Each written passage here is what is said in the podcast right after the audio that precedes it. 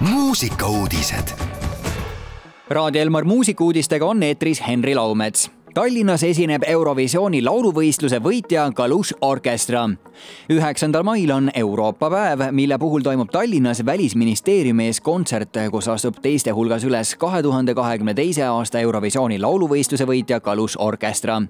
lisaks Kalush Orkestrale astuvad selleaastasel kontserdil üles ka Stefan ja Tanel Padar välisministeeriumi kantsleri Jonathan Vsevjovi sõnul on kõik kolm esinejat aidanud hoida Euroopa väärtusi.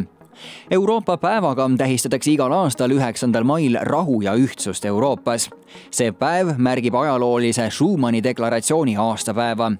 Esimene Välisministeeriumi kontsert toimus tuhande üheksasaja üheksakümne kaheksandal aastal ja eelmisel aastal traditsioon taaselustati aprillis algab Laula mu laulu uus hooaeg. Telia Inspire kanalis alustab aprillis uut hooaega paljude eestlaste südamed võitnud suursaade Laula mu laulu.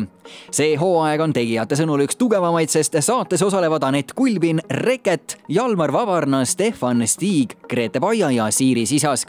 helilooja eriepisoodis on Olav Ehala laula mu laulu on Inspire eetris alates esimesest aprillist laupäeva õhtuti kell üheksa Eurovisioonil tuule tiibadesse saanud Islandi artist Tadi Freyr annab septembris soolokontserdi Tallinnas armastatud Islandi artist Tadi Freyr, kes kogus tuule tiibadesse Eurovisiooni lauluvõistluselt oma lugudega Think about things ja Ten years, annab kaheksandal septembril soolokontserdi Tallinnas Noblessneri valukojas.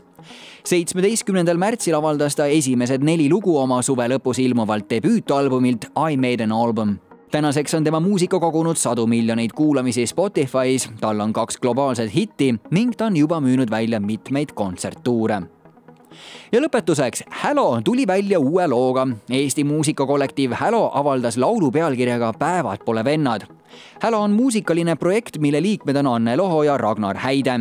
vahelduseks muudele muusikalistele toimetustele tuli neil tahtmine teha teises žanris lugu. suuresti seepärast, et tulla välja oma mugavustsoonist nii tekkiski kooslus Hälo. päevad pole vennad on laul, milles on pisut rahvalaulu elementi, humoorikas tekst ja refrään, mida korra kuulates jääb see pikemaks ajaks kummitama seega kummituse hoiatus on antud, Raadio Elmar eetri võtab üle Hälo looga Päevad pole vennad. mõnusat kuulamist. muusikauudised igal laupäeval ja pühapäeval kell kaksteist, viisteist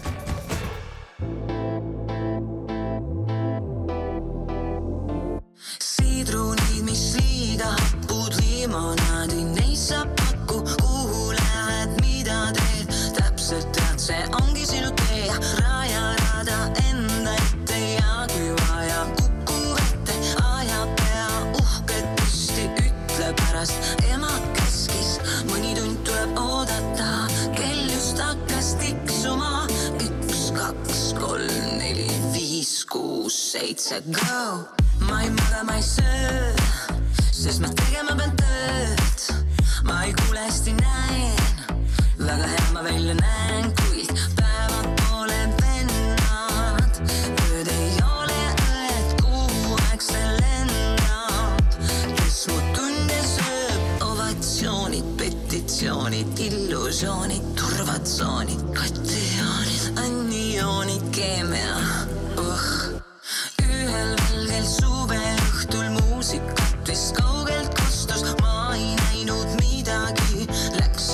üldse edasi.